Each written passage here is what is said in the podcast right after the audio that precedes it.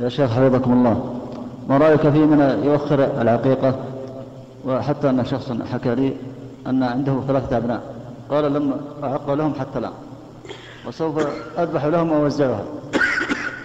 وما معنى قول المولود مرهون بعقيقته أو نحو ذلك؟ حفظكم الله ورعاكم الصحيح أن العقيقة ليست واجبة وأنها سنة مؤكدة.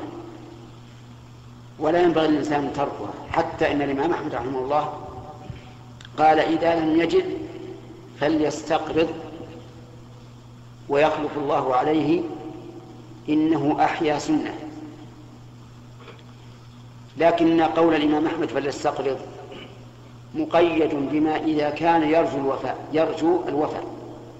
كإنسان حلت عليه العقيقة وهو ما عنده دراهم لكن يعرف في آخر الشهر سيأتيه الراتب. هذا نقول استقرض واذبح العقيقة في وقتها في اليوم السابع. أما الإنسان الذي لا يرجو الوفاء فلا يستقرض لأن العقيقة السنة والدين واجب قضاؤه. أما من أخرها بلا عذر وكان من نيته أن يفعل لكن تهاون.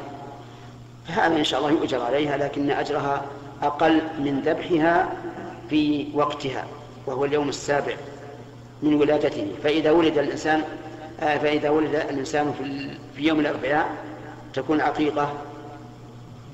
متى؟ يوم الثلاث. وهذه قاعدة.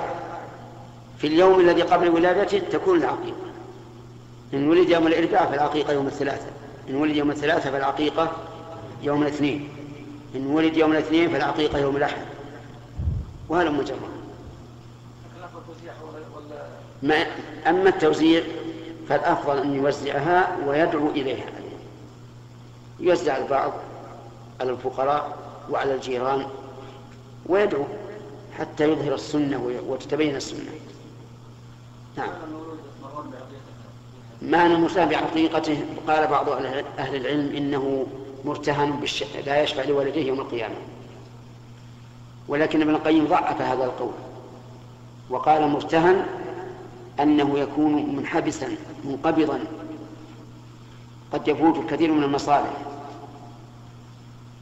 لأن المرتهن أشياء المحبوس كما لو رهنت مثلا السيارة عند الدائن يعني انحبست انحبست عنك مصلحتها. نعم.